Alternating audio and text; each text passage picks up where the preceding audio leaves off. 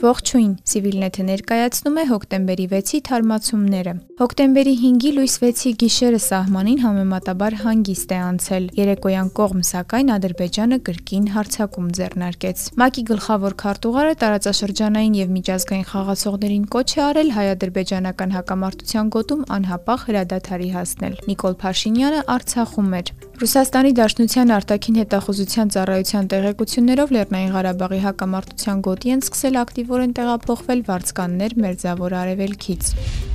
Հոկտեմբերի 5-ի լույս 6-ի գիշերը սահմանին համեմատաբար հանգիստ է եղել։ Ավելի ուշ, սակայն, Արցախի պաշտպանության բանակը հայտարարեց, որ Ադրբեջանի զինված ուժերը մարտադաշտ նետելով ռեզերվային ուժեր եւ մեծաքանակ ռազմական տեխնիկա, ներառյալ տանկեր եւ հրետանի լայնամասշտաբ գրոհ են սկսել Արցախի եւ Ադրբեջանի միջև շփման գծի հարավային ուղությամբ։ Հակառակորդի կողմից անտեսվում է նաեւ Իրանի Իսլամական Հանրապետության տարածքի անվտանգությունը։ Մեթոդաբար եւ շարունակաբար ոչնչացվում են հակառակորդի մեծաթիվ բազմաթիվ կարողություններ, գրել է բնխոսնակ Շուշան Ստեփանյանը։ Ադրբեջանի հարձակմանը զուգահեռ վերսկսվեց Ստեփանակերտի հրթիռակոծությունը։ Արցախի նախագահի խոսնակ Վահրամ Պողոսյանը հայտարարեց, որ դրան կհետևի պաշտպանության բանակի համաչափ պատասխանը։ Դա ընդամենը րոպեների հարց է։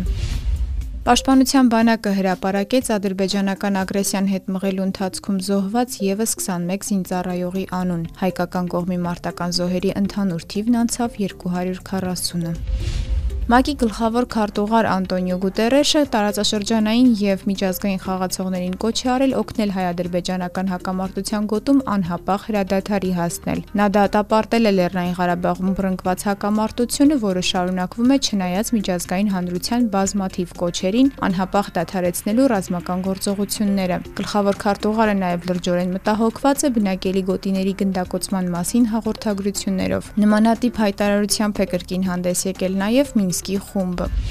Երևանի քաղաքապետարանը 100 միլիոն դրամ կհատկացնի Ստեփանակերտին քաղաքի կենթակառուցվածքների եւ օբյեկտների վերականգնման համար։ Որոշումը հոկտեմբերի 6-ի արտահերտ նիստին ընդունվեց միաձայն։ Հայաստանի համահայկական հիմնադրամի դրամահավաքը հասել է 67 միլիոն դոլարի։ Մեկ օրվա ընթացքում հավաքված գումարը կրկնապատկվել է։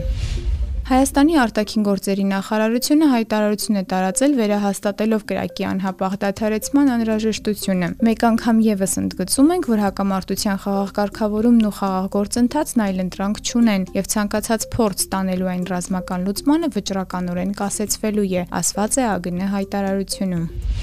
Ռուսաստանի արտաքին հետախուզության ծառայության տնօրեն Սերգեյ Նարիշկինը հայտարարել է, որ Ղարաբաղյան հակամարտության գոտի են սկսել ակտիվորեն տեղափոխվել Մերձավոր Արևելքում կրվող միջազգային ահաբեկչական կազմակերպությունների վարձկաններ։ Խոսքը մասնավորապես Ջեփհատ Ան-Նուսրա, Ֆիրքաթ Ալ-Համզա, Սուլթան Մուրադ կազմակերպությունների, ինչպես նաև ծայրահեղական քրդական խմբավորումների մասին է։ Ընդ որում խոսքը հարյուրավոր եւ նույնիսկ արդեն հազարավոր ծայրահեղականների մասին է, որոնք նոր Ղարաբաղյան պատերազմում վաստակելու ստեղծելու հույս ունեն։ Հայտարարության մեջ նշվում է, որ Ռուսաստանում տագնապով են ընդունում Լեռնային Ղարաբաղում լարվածության էսկալացիան։